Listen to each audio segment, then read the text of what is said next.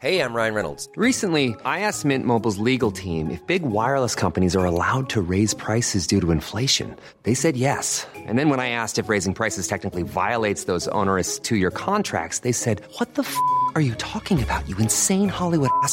So to recap, we're cutting the price of Mint Unlimited from $30 a month to just $15 a month. Give it a try at mintmobile.com slash switch. $45 upfront for three months plus taxes and fees. Promo rate for new customers for limited time. Unlimited more than 40 gigabytes per month. Slows. Full terms at mintmobile.com.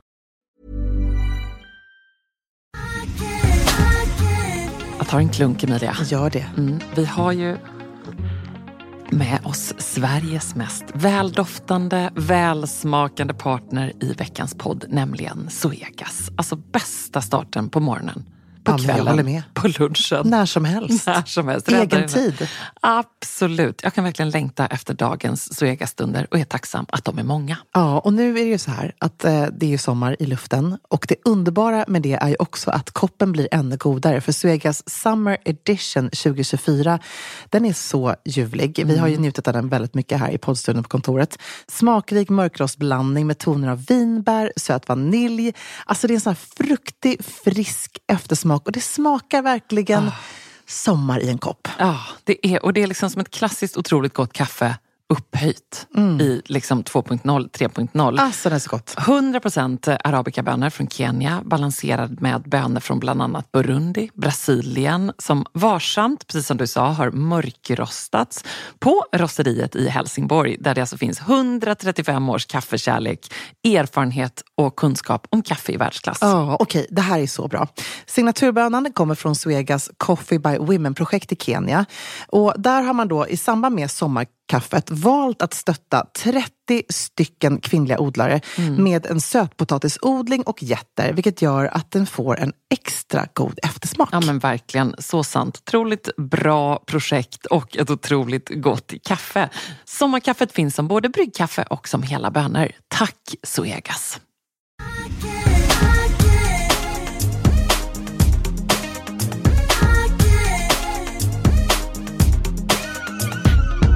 Emilia, ska vi börja med Paris? Ska vi börja med det faktum att du och jag egentligen varken har varit inne på kläder, väskor eller skor den här veckan utan på ljud och ljus?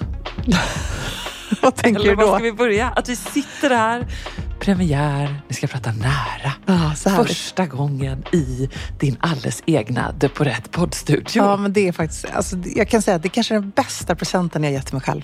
Alltså, jag är så glad Jag vill sitta och vägnar. spela in poddar hela, alltså bara prata med mig själv i micken. Starta 14 nya poddar. Ja, eller, bara, Kör! eller bara sjunga i mikrofonerna. Ja, men du In, vet så. Hmm, with Emilia. Och så Exakt. insert anything you like. Ja, nej, men- alla sorts poddar här. Jag har liksom nördat in mig nu på akustik Ja. och det är så mycket som eh, man behöver göra göra i en studio, inser jag. Ah. Men den är work in progress och välkommen hit. Känns det Ja, bra? men tack. Men berätta nu då, för nu sitter vi här. Vad är det du har nördat in dig på? För plötsligt har du ju pratat om eh, väldigt mycket ljuddämpare och Ja. akustikexperter och allting. Älskar det. Eh, Men jag var ju tvungen att hitta världens snyggaste ljuddämpare. Um, liksom typiskt mig. Men jag var på Persona, min favoritrestaurang i närheten här. Och de har ju så fina akustikpaneler. Alltså de är sådana Ja. som konst.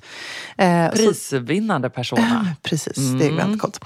Hur som helst, jag eh, förstås tar reda på vem geniet är bakom de här panelerna och träffar världens härligaste kvinna eh, som har så mycket säker stil som också driver Occo som är så här akustikpanels, liksom, gör helt enkelt akustiska inredningsdetaljer. Ja. Så visst, det är liksom som konst på väggarna, ser du? Ja, Ja. fantastiskt. Alltså, jag tycker inte att någonting i livet bör vara fult.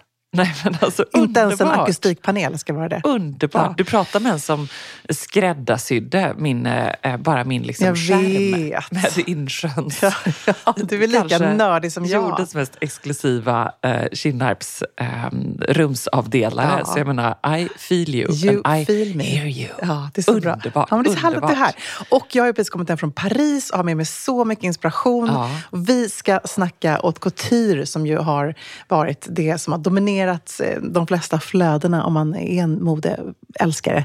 Eh, och eh, ja, men jag önskar bara att du och jag faktiskt får uppleva det här tillsammans någon gång. Vi Ja. lyckas aldrig ta in Paris tillsammans du och jag. Men Väldigt, det ska vi göra. härligt. Det är ska aldrig vi göra. Vill du höra också bara varför jag har då varit inne på ljus hela Ja, veckan? gärna. Eh, för att du har varit inne på ljud och därför jag kände att det var en härlig start. Mm. Därför att jag har liksom varit nere djupt i eh, CRI eh, och LED och huruvida man ska ha 24 000 eller 40 000.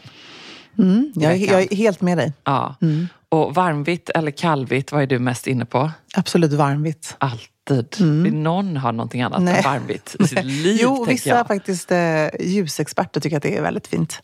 Ja, nej, men de ja, det är sant. Ja, men det här har varit väldigt roligt. För jag har ju gått eh, all the way, precis som du. Och då eh, snöat in på ljus i och med eh, att hitta den perfekta provrumsupplevelsen till Nej, eh, vad Emma kul! Sports. Mm. Åh, vad roligt. Ja, det är väldigt, Berätta. väldigt roligt. Nej, men det, jag är mitt i det. Och Ja. Så har jag liksom lyckan att känna eh, Sofie Bjärnram som är internationell ljusdesigner och som vanligtvis kan man säga jobbar med lite andra projekt än ett pyttelitet, inte i och inte pyttelitet, än ett provrum ska jag säga. Ehm, så det är väldigt, väldigt roligt. Så jag håller på och pepprar henne med frågor och hon håller på att liksom coacha mig här. Eh, för det är viktigt som tusan, liksom. ljuset, intrycket och ingenting gör ju mig så irriterad som dels förstås när det är en dålig provrumsupplevelse, ljusmässigt, spegelmässigt, men också när det är liksom för det får inte heller vara, man vill ju se ordentligt. Absolut. Det är Men- liksom den där balansen med att det ska vara en snygg spegel, men det får inte vara, eh, ja, förstår du, för Nej, men jag, jag förstår precis. Alltså jag tycker att, att ehm, det som man gör kanske ofta misstaget med provrum är att de inte är någonting. Att man lägger så mycket krut på butiken och sen är provrummet lite för kallt. Ja. Det kan jag känna. Kallt Ja. på golvet, kallt på väggarna. Det kanske bara är en spegel, en spot som liksom går rakt ner så att man ser ut som att man inte har sovit på liksom tio år. Ehm, det är inte så svårt att göra det här bra. Nej. Det krävs liksom någonting skönt på golvet, eh, någonting lite härligt liksom inramande om det är ett draperi eller vad det än är för någonting. Ja. Men det är också ganska svårt, har jag insett. Nej, men jag jobbar förstår med det. Ja, men, och svårt också för att det kostar ju mycket då om man ska Ja. göra typ ett Dior eller ett Chanel Ja. eller ett Louis Vuitton. Det, där bygger de på att de också bygg, jobbar med textilier. Du ska Ja. ju klä in ditt i Ja, men det har jag gjort. Nej, i- det blir linnedraperier Ah, bara, fint. vita. Så det blir väldigt det bra. kommer Men nu är inne på ljuset. Så det är spännande. Och var ska den här, det här provrummet vara Eh, någonstans? På Karlavägen hos Mm. Bookbinders. När, när öppnar butiken? Ja, men det är när detta är klart helt Ja, enkelt. Så roligt. Ja. Jag längtar. Jag kommer också stå där och eh, prova och spegla mig. Jag ser Ja. fram emot det. Gud vad härligt. Ja, nej, men eh, väldigt viktigt. Väldigt viktigt. Också tänkte jag på detta i veckan när jag, eller när jag hämtade ut mina glasögon och provade dem. Och vad viktigt det är, för man står ju också så ofta där i provrummet och så skickar man den där bilden. Jag fick ju bilder från Paris. I och för sig, det var inte så mycket provrum från dig. Nej, det var ett Det var någon slags specifikt ateljé, eller hur? Det var, alltså, jag kände så här, det var inte riktigt provrum, det var någonting annat. Men Vi hann inte prova så mycket faktiskt. Det Nej. var en, kort Härligt. session. Men Ehm, men annars så gör man ju det. Ja. Och det är superviktigt. Så det verkligen. ska alla tänka jag, jag på. tycker det är bra att du tänker på det. Jag tror faktiskt att det, tyvärr är det många som missar den detaljen. Men Ja. jag vet att du är en perfektionist. Ja, ge mig eh, tre eh, intryck från Paris, Emilia. 48 timmar, var det det? Det var 48 timmar. Ehm, jag måste bara först säga att det som jag tycker är det bästa just nu med Paris är att det har blivit så mycket trevligare. Ah, det är ju lite så som om man har varit i Paris för 15-20 år sedan eller kanske till och med 10 år sedan så var det oftast en så här, den parisiska attityden och gick man in på en restaurang eller i en butik så folk snäste av en lite sådär snabbt. Men nu tycker jag folk är generellt väldigt trevliga och det är väldigt viktigt för mig när jag reser till en stad. Ja. Sen älskar man ju att Paris har så mycket att erbjuda. Alltifrån att man behöver egentligen inte göra någonting annat än att bara strosa runt och titta uppåt och se alla dessa fantastiska fasader, byggnader. Titta in i fönster, jag gick förbi på någon liksom bakgata och ser någon liten byst som står i något fönster. Alltså det är som en film som utspelar sig varje gata upp och ner. man hör liksom filmmusiken. Ah, och chicka människor, även om de är absolut helt obrydda om mode och jobbar med någonting helt annat, så långt bort ifrån modebranschen som det möjligt bara är, så är de ändå så perfekta. Så jag går ju där längs gatorna och säger till Amori som var min sidekick och följde med mig, vilket var jättekul. Bara, men såg du henne? Såg du henne? Han bara, nej Emilia, jag, jag kollar liksom inte om du kanske tror det på varje tjej som går förbi. Men man blir så inspirerad. Ja, alla åldrar, alla kvinnor, I alla synnerhet alla stilar. dessa äldre kvinnor. Många ja, eleganta. men alltså jag kan Men också, alla åldrar jag kan också bli inspirerad av en tjej som du vet, är på väg till skolan och bara, hon är 17 år. Hon vet, hon liksom, har det i blodet. Hon bara slänger på sin lite slitna rock som hon har ärvt av mamma, sina härliga, för lite för korta jeans, ett par strumpor, ett par skönt ingångna svarta loafers, någon du vet, tote bag på axeln. Och det bara blir så här perfektion. Parisisk perfektion. Det är härligt. Och sen så Mm, tycker jag också att det är underbart att man bara kan sätta sig i nästan vilket hörn som helst och du vet, ta en kaffe, en croissant och bara känna sig så parisisk. Man kan verkligen låtsas att man bor i Paris, Härligt. även om man bara är där i 48 timmar. Han ni göra det lite grann också? Det gjorde vi absolut. Bra. Eh, och vi hade träffade supermycket kompisar, hade massa härliga eh, möten. Jag träffade Andrea som jobbar på Chanel, en fantastisk eh, svenska som du också känner. Eh, och även väldigt duktig författare. Vi pratade om spännande projekt. Eh, hon jobbar på Chanel i, i massor av år. Eh, och eh, hon är också så überchic. Apropå glasögon så hade hon stora så Linda Farrow-lila, liksom lite lätt tonade glasögon och oh, en Chanel tweed cape, ett par vida grå jeans och coola boots. Och bara Ja, lila glasögon. Gud vad härligt. Lila glasögon blev också väldigt inspirerad. Ja, Kände jag att det får du och jag införskaffa nästa ja. gång. Jag är inne på vinröda nu också ja, som komplement. Men, det... men lila också väldigt vackert. Men du... man är ju också väldigt in, inne på uh, burgundy ja, just nu. så snyggt. Och det kommer mm. du vara väldigt snygg i. Nej, men det var eh, summa summarum en fantastisk upplevelse. Och jag um, var ju på en uh, underbar kväll med Balenciaga där vi såg den här Cristobal Balenciaga um, nysläppta serien som ju är fantastisk. Som har liksom, den gick ju inte live då, men gick live för några vecka sedan uh. på Disney+. Och berätta, vad, vad var detta någonstans? Settingen för den ja, men det här, precis. visningen? Det här var då eh, Caring-ägda Balenciaga hade förstås det här på Bourse de Commerce eh, som är då eh, Pinots konstmuseum. Eh, det är så roligt för de här stora liksom, aktörerna. Jag menar, um, Arnault har ju sitt Fondation Louis Vuitton förstås, och så vill även Pinot ha sitt liksom, konstmecka. Och det här är ju en otroligt ball byggnad eh, som man måste besöka om man åker till Paris. Um, så där eh, i liksom, en trappa ner så har de en filmsal eh, och där var det ett hundratal gäster som var inbjudna. Och det var ju allt ifrån journalister till eh, liksom, ja, kända personer till eh, couture allt möjligt. Um, och det var så kul för vi klev in där och så um, sa jag till Ann-Marie, dresscode cocktail. Jag bara, du vet, du behöver inte ha kostym på dig för det kommer liksom inte riktigt vara den viben. Så kom det liksom ett hav av svartklädda personer, men i olika silhuetter. Det var så härligt att se. så det är liksom, man kan verkligen tänka sig den här eh, Balenciaga-siluetten då. Eh, en del kommer ju förstås i haute couture, vilket är så jäkla coolt.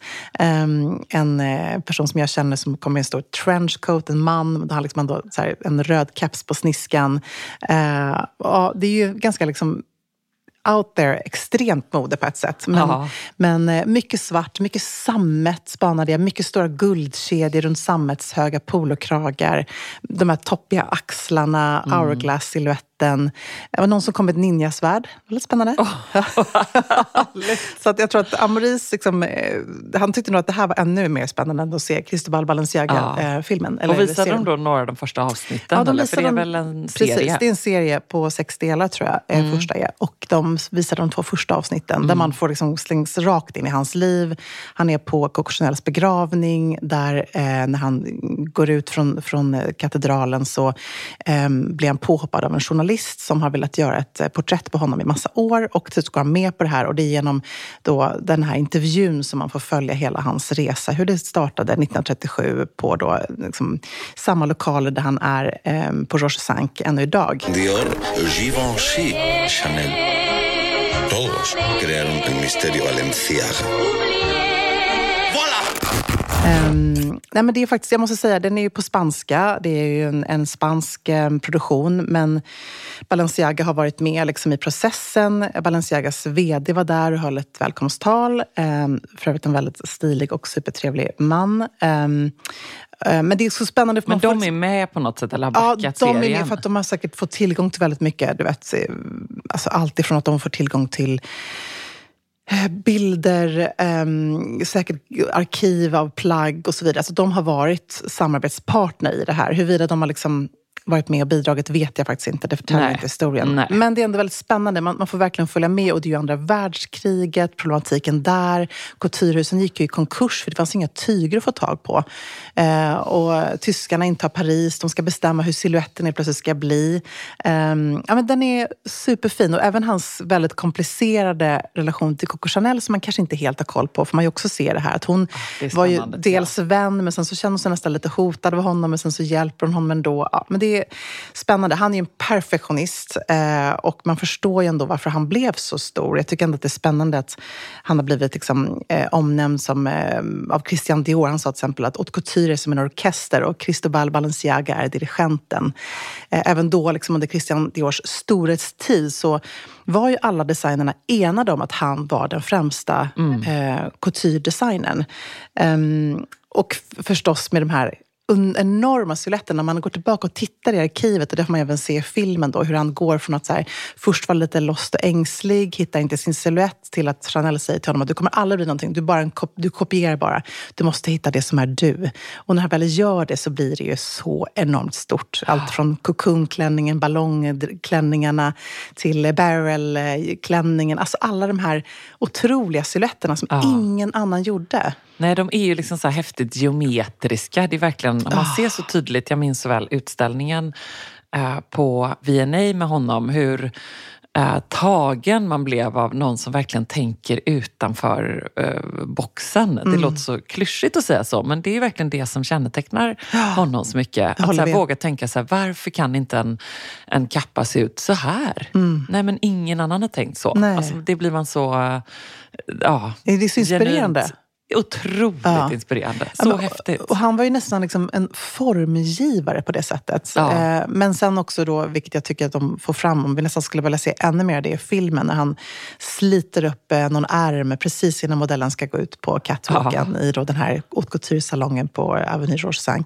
Eh, nej, den är, liksom, den är inte perfekt. De bara, men vi, liksom, vi har gjort precis, de är identiska. Nej, den är inte perfekt. Det är liksom tre stygn som är fel. så den här perfektionismen är ju så talande för vem han var som eh, väldigt blyg, tillbakadragen, ett geni på många sätt. Och ja. också tycker jag det är fint när man har sett de här plaggen på nära håll, att man också vet att så här, varje söm är imperfektion. Han har jobbat och liksom konstruerat de här volymerna och siluetterna och de är lika vackra på insidan som på utsidan.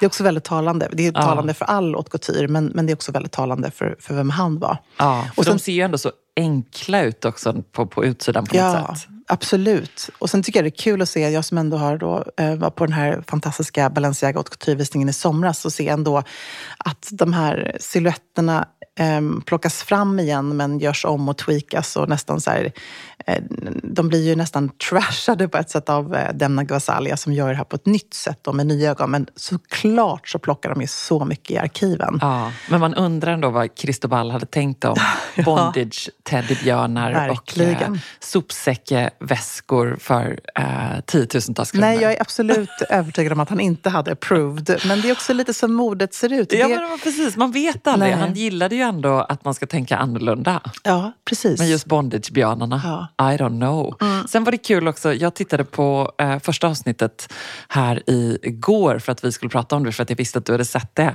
Eh, och det var så härligt att se en favorit från Game of Thrones, den här Gemma Whelan ja. som spelar journalisten. Ja, så cool. Eh, väldigt eh, cool, mm. väldigt roligt. Och jag såg ju bara första då, men precis som du sa, då blir det väl då ett avstamp ja. i liksom att han säger ja till den här intervjun och sen så nystas allting upp. Liksom. Oh. Uh, och sen uh, så tänker jag ju också på den här utställningen jag såg om honom. Och det är klart att hans liv bjuder väl inte på samma drama som House of Gucci eller som uh, mordet på Gianni Versace. tänker jag. Det är liksom inte den typen Nej. av drama men ändå um, komplicerat. Ja, och han, alltså, man ska ändå veta att han eh, var ju homosexuell och levde med en man som också var en av hans eh, sponsorer och som var med honom som en partner genom det här. Eh, och det var ju extremt kontroversiellt. Framförallt ja. när han blev stoppad av SS-officerare och de ja. säger, vem är den här personen i ditt liv? Är det bara, mer än bara partner? Alltså det är ganska obehagligt och det är en, en enormt komplicerad situation att vara i den tiden. Det var liksom inte alls någon acceptans för det. Nej. Även om eh, Yves Saint Laurent också var liksom homosexuell och flera andra designer med, med honom. Men, ja. men jag tror att han blev liksom, var väldigt känslig för allt det här. Ja. Men jag håller med, han var ju inte han var ju inte någon eh, teatralisk eh, drama queen eller excentrisk eh, kreativ director, utan han var ju, som man faktiskt mer ser idag, tycker jag, på ja. bland moderna modeskapare. Att de blir ju superstjärnor själva. Samtidigt blir man också så glad att de gör en sån här serie, därför att utifrån de recensioner jag läst från hela så är det också liksom bara att folk blir fängslade av att det är Artely gorgeous. Ah. Att det är som så vackert och det är det man älskar. Det måste ha varit underbart att se det här på en stor screen. Nej, det var faktiskt fantastiskt. Och sen var det också helt fantastiskt. Jag satt bakom min, em, en liten stilikon-idol faktiskt, nämligen Nej. Gaia Repossi Nej som är men ju vad kul! Smyckesdesigner. Eh, hon hade liksom Kunde du fokusera? lite svårt att fokusera. Jag tycker så roligt att följa henne på Instagram och jag bär hennes smycken. Och jag har liksom varit ett fan från starten när hon tog över sitt eh, familje, familjens eh, juvelhus. Um, och jag tycker hon är så cool och rolig. Eh, så det var väldigt, det är Vad hade hon roligt. på sig? Nej, men jag tror att hon hade bara smitit in lite sådär, vilket också var lite skönt. Hon hade liksom håret i någon slarvig tofs, hon hade en stor parkas. Så det känns som att hon, hade, hon satt redan i salongen när vi kom in. Så jag tror att hon var lite såhär, oh my god, jag trodde att det var typ en biofilmvisning, men folk var ju liksom uppklädda till tänderna. Eh, så hon, hon, hon gömde sig lite där. Men något coolt svart säkert. Och förstås sina, ehm, ja men du vet, lite sådär signatursmycken, vilket är de här kaffsen och Åh, eh, ringar på alla fingrar Såklart. och minimalistiska diamanter och allt det där. Ja, men coolt. Gud vad roligt. Så det tyckte jag var lite härligt. Ehm, Men det innan vi går in på och, och plockar det godaste, godbitarna ur um, Haute Couture-veckan, så vill jag bara säga att det var intressant. Jag träffade väldigt mycket folk eh, och den gemensamma liksom, nämnaren var lite sådär, vilka är de stora kreativa cheferna idag? Vilka är framtidens Cristobal Balenciaga, Karl Lagerfeld, eh, ja, men, Yves Saint Laurent? Det är liksom inte helt lätt att tänka på det. Jag tycker då att eh, Nicolas Ghesquière som är på Louis Vuitton är otrolig, för att han har den här liksom, visionen, även Demna Ghasalia. Men det är inte helt lätt att hitta de här nya talangerna idag, som också vågar och som är banbrytande och som gör någonting som inte alla andra gör, eh, men som ändå förstår det kommersiella värdet. För det är lite det som är problematiken. De här modehusen är maskiner. Jag menar, Louis Vuitton omsätter 20 miljarder euro. Det är liksom overkligt att förstå hur stort det är. Ja. Att få behöva då axla ansvaret för att skapa kollektioner som ska Panik. sälja, det ska växa. Du vet. Det är liksom tufft. Ja. Eh, och de är förstås betalda liksom miljontals, miljontals kronor, de här eh, superdesignerna. Men ändå, det är ju väldigt, väldigt eh, komplicerat. Ja, verkligen. Och förväntan. Alltså Mm. det där att du ska skapa någonting nytt. Oh, aj, fruktansvärt. Ja, nej, Ångest. Det, och också ha liksom ett koncept. Du vet, Ja. så här, var tydlig i det. Det tänkte jag nu när vi tittade då på visningarna här, du och jag. Med Sommargela till exempel, som har John Galliano eh, som huvud, liksom kreativ chef, som har varit där sedan 2014. Han har ju en ett koncept i det han gör. Man känner igen honom i det han gör.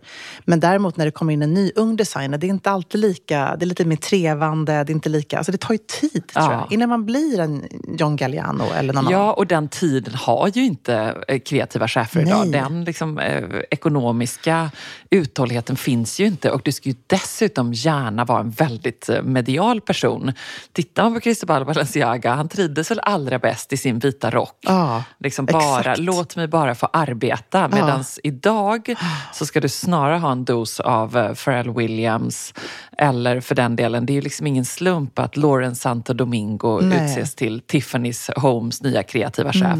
Visst, hon är säkert jätte, hon är ju otroligt stilsäker och bra, men hon är också en fantastisk rekrytering. För att hon Exakt. kommer också eh, platsa väldigt bra på väldigt många röda mattor. Nej, Mm. Så det är mm, sant. spännande. Ja, men det är man får spännande. väl hoppas här, om man tänker då att Disney med den här serien också tänker en säsong två så kanske de kan inspireras lite av The Crown och då kan Cristobal Balenciaga komma tillbaka och spöka lite som Diana gör i sista säsongen. Och så kan Ja. han liksom komma där så får vi se mötet mellan honom och Kim Kardashian helt Ja, i gul ducktape med hans namn på.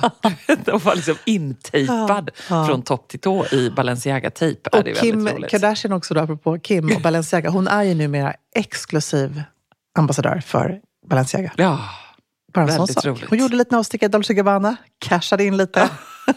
Även där så är uthålligheten Ja. inte så Ja, lång. men det är spännande, det händer mycket. Men om man ändå pratar kändisar åt couture. Ja. Det som var roligt tycker jag var att eh, det här var en haute couture-säsong där faktiskt inte front row och kändisarna var i fokus. Utan det handlade om plaggen, couturen, hantverket och eh, modehusen. Och det tycker jag var lite skönt. Då får jag fundera så här, gud, börjar vi bli lite trötta nu på kändisarna front row? Är det liksom det här eh, spektaklet och skådespeleriet? Är det något som händer här i ett skifte? Ja. Det får vi se. Jag tror att det blir nya modeveckor nu med Ready to Wear och då tror jag att de spelar en mycket större roll. Men det är svårt att tävla mot haute couture som ju är den finaste, finaste av sömnad. Det är liksom plagg för upp till miljoner kronor som går eh, upp och ner från en catwalk och har tagit eh, tusentals timmar att eh, tillverka. Så att jag förstår att så här, även om J Lo sitter på front row eller eh, vem det än nu må vara så får de inte lika mycket uppmärksamhet som Schiaparellis kreationer. Nej, och så länge du är där så är jag nöjd. Så det är lugnt. Perfekt. Ja. Okej, så en gång för alla Emilia, vad är haute couture? Ja, men först och främst så får inte alla modehus eh, utge sig för att göra haute couture-kollektioner utan man måste bli godkänd av ehm, Chambre syndicale de haute couture i Paris. Och det här är en del av industridepartementet i Frankrike. Det är ju en gammal institution med så mycket historia. Och där bedöms man ju av olika liksom, parametrar. Eh, bland annat så måste man ju ha en ateljé i Paris. Man måste eh, skräddarsy plaggen då för sina liksom, privata köpare. Det innebär flera provningar. Det här är ju ett helt annat typ av hantverk. Man tillverkar ju mycket färre plagg förstås. Ehm, Så det är reglerat helt enkelt? Det är 100% reglerat. Så Lite även- som så att du kan inte kalla en, en bubblande vin för champagne om det inte kommer därifrån och lever upp Exakt. till vissa krav. Precis så är det.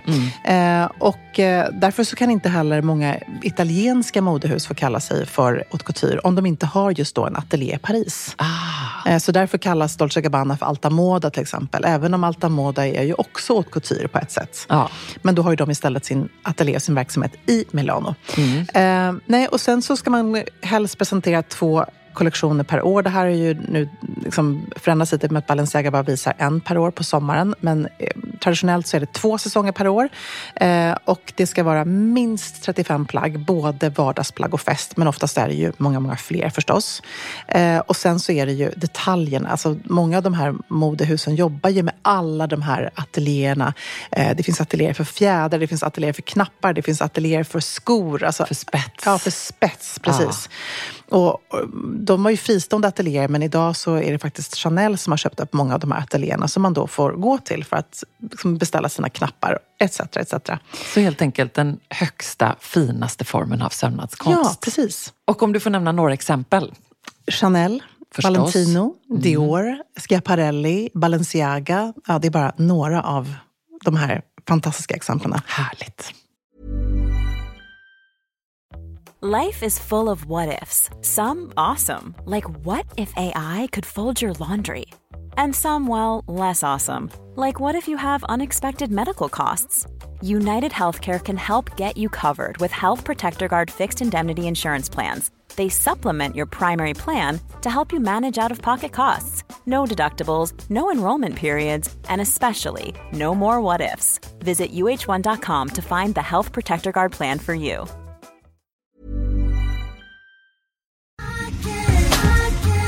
Alltså letar man efter de där fest party pieces plaggen som tillför det där lilla extra i festgarderoben och gör att den känns relevant och extra härlig för 2024, då är Stockholm Studios nya kollektion In Full Bloom någonting för dig. Och den finns förstås hos vår partner MQ. Ja, men alltså det är plagg som ger såna otroligt härliga sommarkänslor. Ja, skål. Jag tänker på de här 3D-printade blommorna, det är volanger, plisserade plagg i härliga ljusa toner. Och just de här rosa nyanserna, som är ju så säker stil, eh, de är så vackra tycker jag. Men också gillar jag att det är inslag av krämvitt och svart. Jag tänker en härlig sommarfest i en rosa vacker kreation. Ja, nej men verkligen. Blir det inte bättre än så? Nej, och sen tycker jag just det är kul att de även i den här Infull Blom-kollektionen, liksom, det finns också svärtan. Alltså det här stilsäkra, svarta kavajen, blazen. Uh, urfint. Det är liksom inte bara landet utan det är även festen i stan. Mm, sen måste vi prata om de här nyckelsilhuetterna. Det är ju Mm. så klänningen med volangdetaljer, blus med 3D-plommor och förstås det plisserade sättet. Som jag tror hänger i din festgarderob. Jajamän, alltså den looken kommer ni se mig i i sommar. Och vill du se den här och nu och prova så går du in till din närmaste MQ. Eller så när du har lyssnat färdigt på podden går du in på mq.se för att hitta sommarens härligaste festlook. Tack MQ. Tack.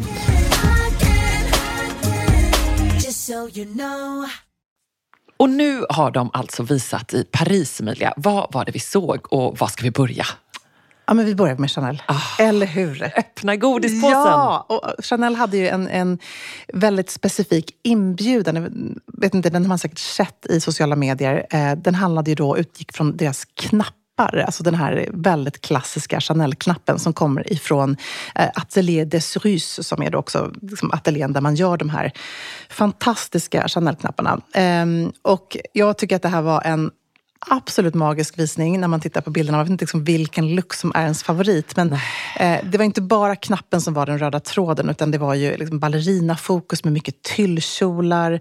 Eh, en brud som kom med ett liksom tyllsläp. Det var eh, magnifika detaljer som bara man inte kan släppa med ögat. Och det här var ju, liksom, tycker jag, då, eh, Virgin Viarts kanske finaste haute couture-kollektion som hon har gjort hittills. Hon som numera är kreativ chef. Väldigt romantiskt. Så romantiskt. Eh, jag älskar också att man så här, stylade typ tyllkjolen med tweedjackan. Ja. Att det var de här härliga kombinationerna. Ja, det är ju haute couture, men det är också bärbart. Eh, det kan jag också verkligen gilla. Det är Ehm, säker stil, Det Chanel. är verkligen säker stil. Mm, underbart. Och ska vi vanliga dödliga som inte kan köpa haute couture inspireras av någonting, då tycker jag att man ska spana in de vita strumpbyxorna som ju nästan prydde varje modell. Eh, med eh, sandaletten med en liten öppen tå och en slip runt vristen. Det här kommer vi få se så mycket. Och det var ju allt ifrån förstås svartvita kombinationer men även mycket pudrigt rosa. Och det är också otroligt härligt tycker jag. Inslag som gick igen. Mycket vita skira liksom material. Ehm, men förstås liksom alla de här ikoniska elementen som Chanel har fast det blir på en ytterligare nivå än när det, man pratar ready-to-wear och pret-à-porter. Så det var liksom kamelian, fransarna, fjädrarna, tweeden, knapparna. Ehm, man bara önskar att man kunde få titta liksom riktigt nära på varje plagg. Och framförallt att man vet att det här liksom varje stygn är sytt för hand. Det är det som är det Underbart. unika med haute couture.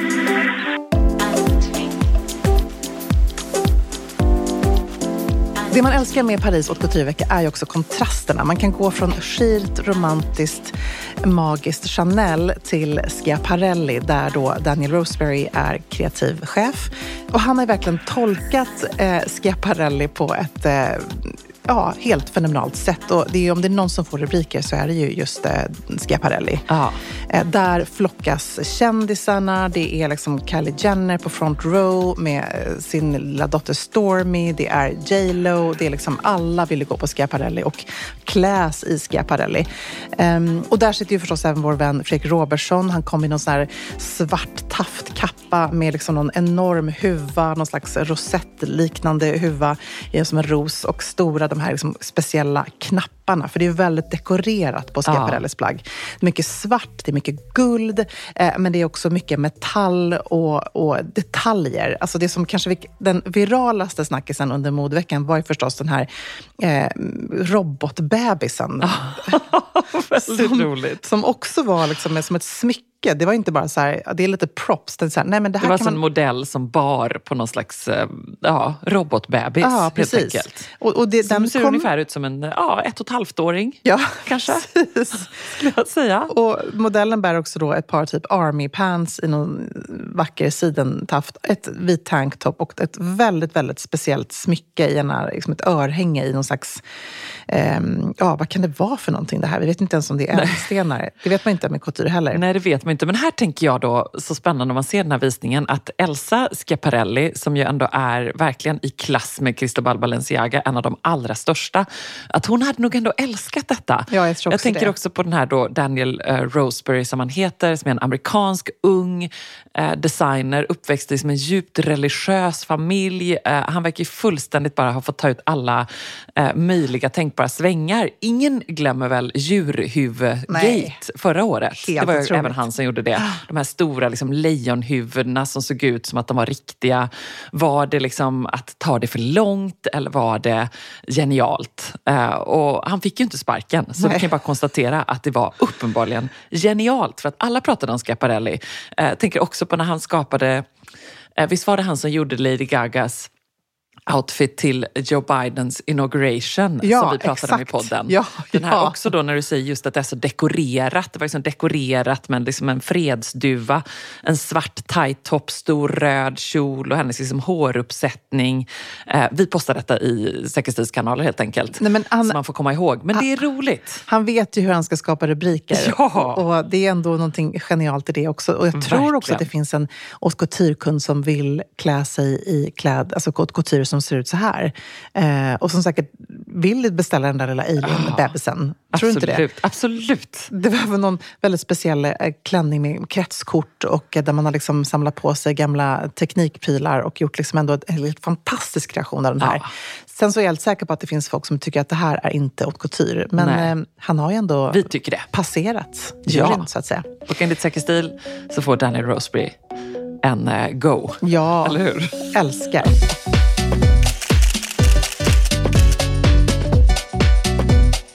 Är det också underbart tycker jag med ett eh, så pass ikoniskt modehus som Jean Paul Gaultier. Jean Paul Gaultier klev av som eh, creative director 2020. Men han har nu gjort någonting som jag tycker är supercoolt med just deras haute couture-kollektioner. Där har man då låtit gästdesigners få kliva in och tolka eh, modehuset på sitt sätt. Allt ifrån Heidi Ackerman, eh, Olivier Roustin, eh, Julien Docena som nu är på Paco Rabanne. Och den här säsongen så var det irländska Simone Rojas tur. Hennes signatur eh, skulle jag säga är väldigt mycket volym. Voluminösa klänningar, det är lite så här romantik. Väldigt möter- irländskt. Ja, precis. Men romantik möter svarta. Det, är liksom, det är liksom mörkt på samma gång ljust och skit. Eh, det är feminint skräddat. Hon har de här liksom ikoniska eh, plattformskorna som hon alltid har. Stora puffärmar. Så att jag måste säga att det här var faktiskt en av mina favoritvisningar från just eh, Haute Couture-veckan. Och även om inte jag är ett superstort Simone Rocha-fan och bär hennes kläder liksom personligen så kanske, så tycker jag bara att hon gjorde det här på ett sånt lekfullt och härligt sätt. Ehm, där hon liksom tog tillvara på hans eh, bretonrandiga, Ja. allt ifrån ehm, små skipper hats till eh, strutkonbrösten som hon Ja. gjorde på sitt eget lilla sätt. Eh, korsetterna, de verkligen jobbade med hela klänningar som bara hade underbara sidenband och korsettknytningar. Eh, jag tyckte att det var helt fantastiskt. Ja, hon är ju lite nepo baby i modebranschen nästan. Hennes Mm. pappa är ju John Rocha, eh, designern. Hon började jobba, Simone Rocha, i hans eh, ateljé när hon var typ 13, har jag Ah. läst någonstans.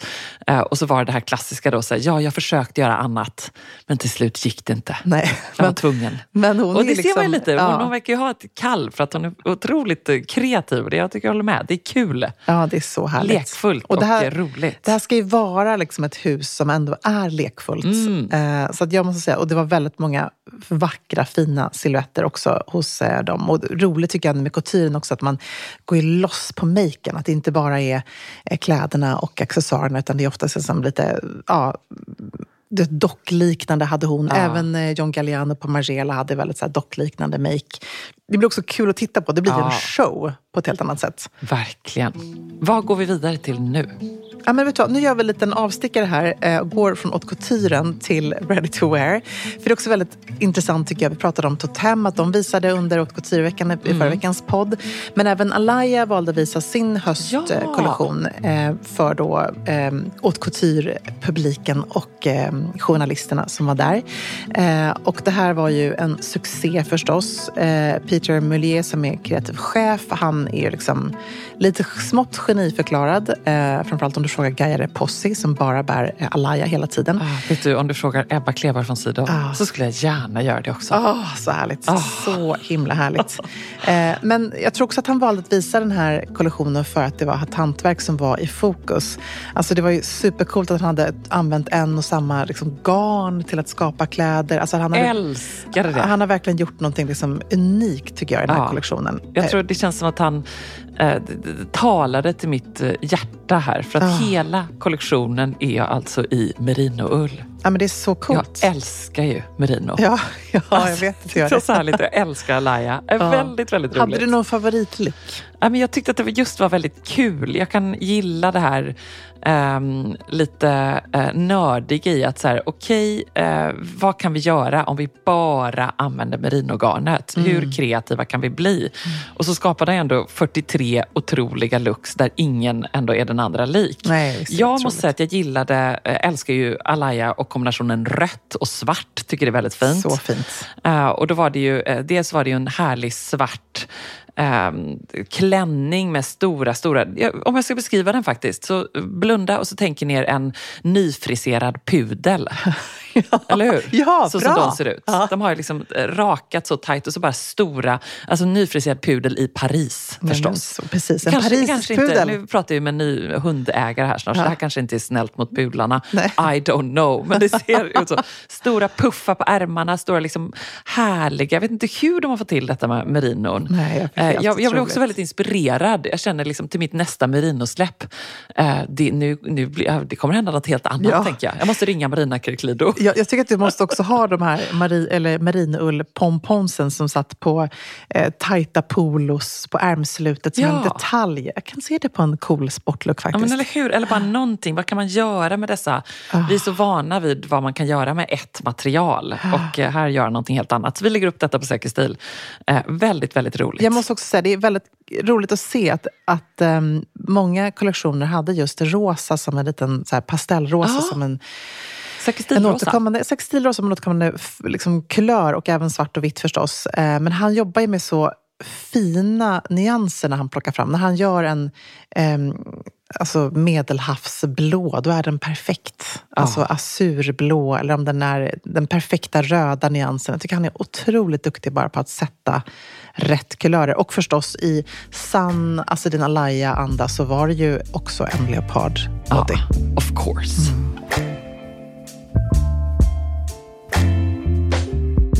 Vi går vidare till Maison Margiela.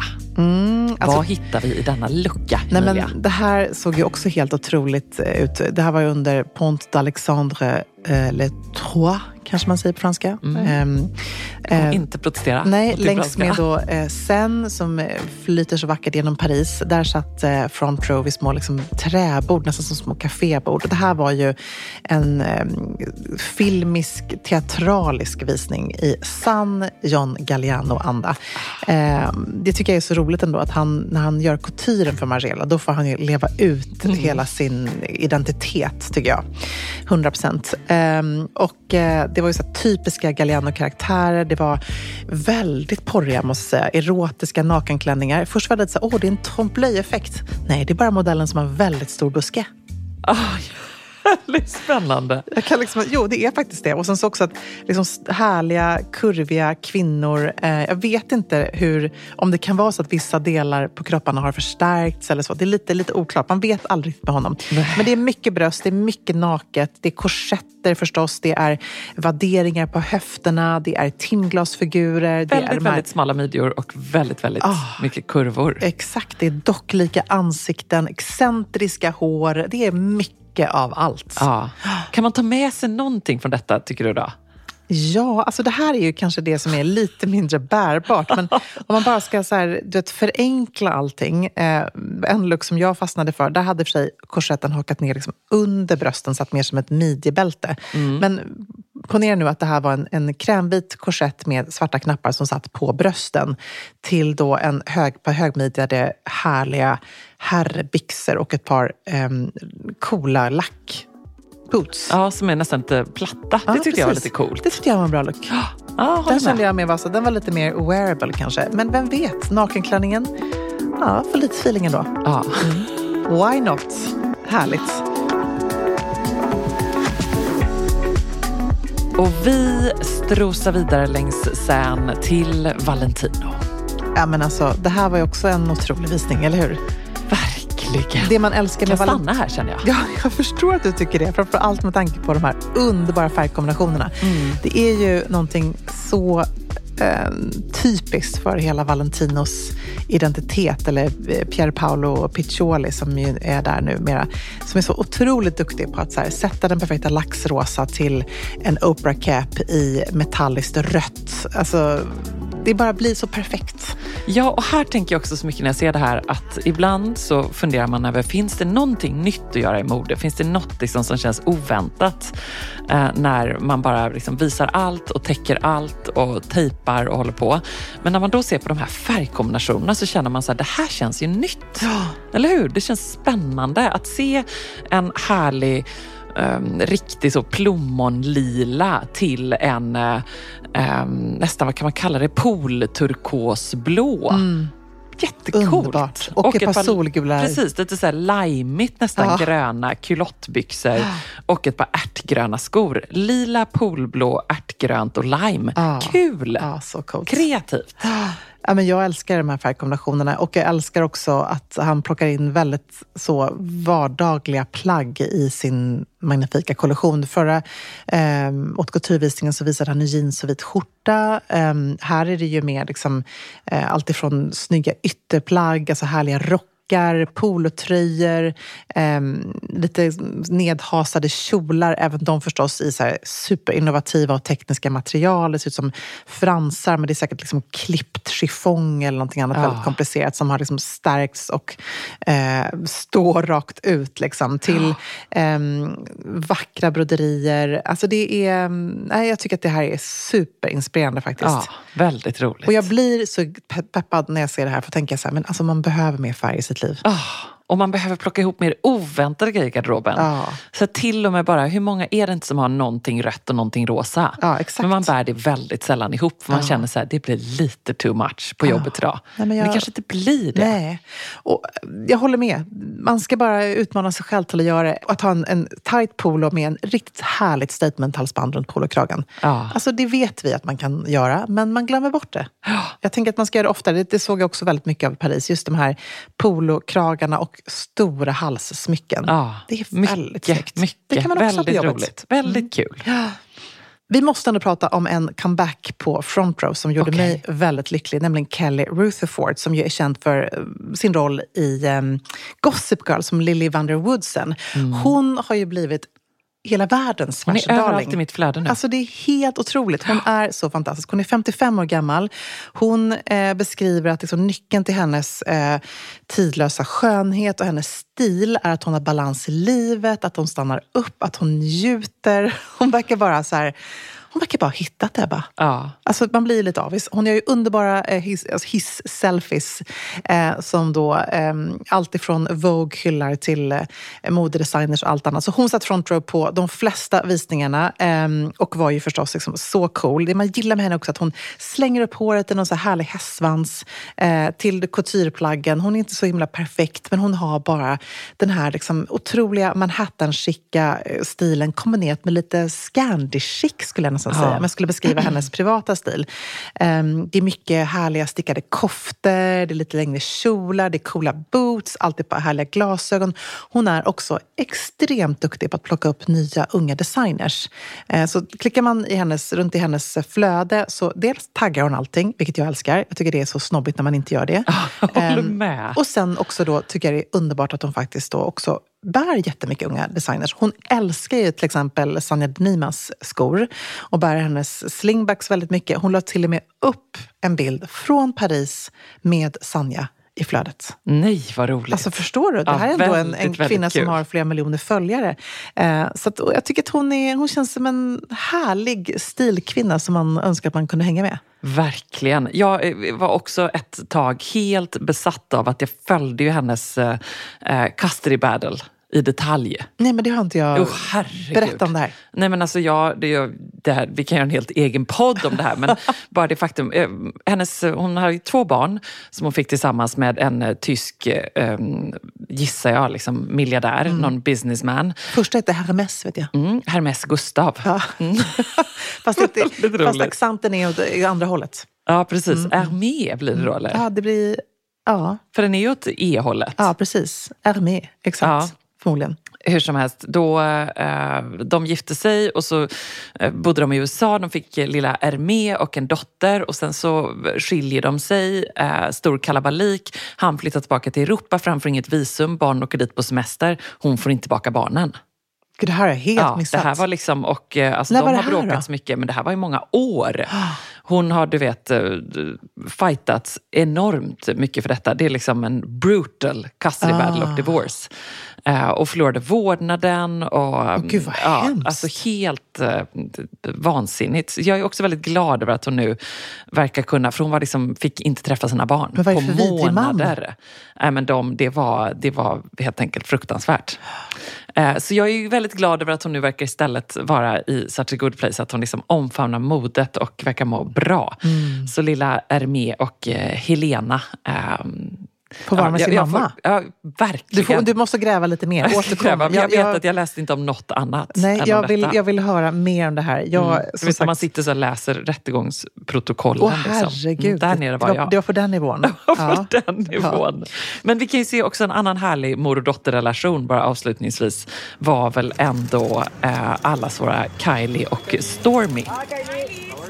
Ja, gud, hon har ju varit med på alla visningar sen som lilla Stormy. Hon fick ju till och med en matchande fjäderboa eh, på Ah, gud. Valentinovisningen som skulle matcha mamman. Och hon har ju också varit då på Jacquemus-visningen eh, som ju faktiskt ägde rum här i måndags. Då var även lilla Stormy med. Så att, eh, hon är en fashion eh, nepo. Ja men verkligen. Det är ändå bra. Hur gammal är hon? Fem, sex? Är hon som Ja. Ernst typ? Ja, precis. Hon har en bra garderob. Ja. Något för Ernst. Kanske precis, det är Ernst. Leave on the girlfriend. Dream girl. Du vet att jag har en sms-linje med Ernst va? Svarar han mycket? Du vet att han har fyra absolut. personer. Han har dig, mamma. Du måste ha lagt in det själv. Jag la in mig själv i hans iPad. Ja. Ja, det är man inte dum. Nej. Så nu pratar vi om nagellacksfärger och allt annat. Det är väldigt kul. Ja. Härligt. Han är min tester för OPI. Ja, bra. Mm. Ernst ska till Paris. Ja, det är bra. Det ska han.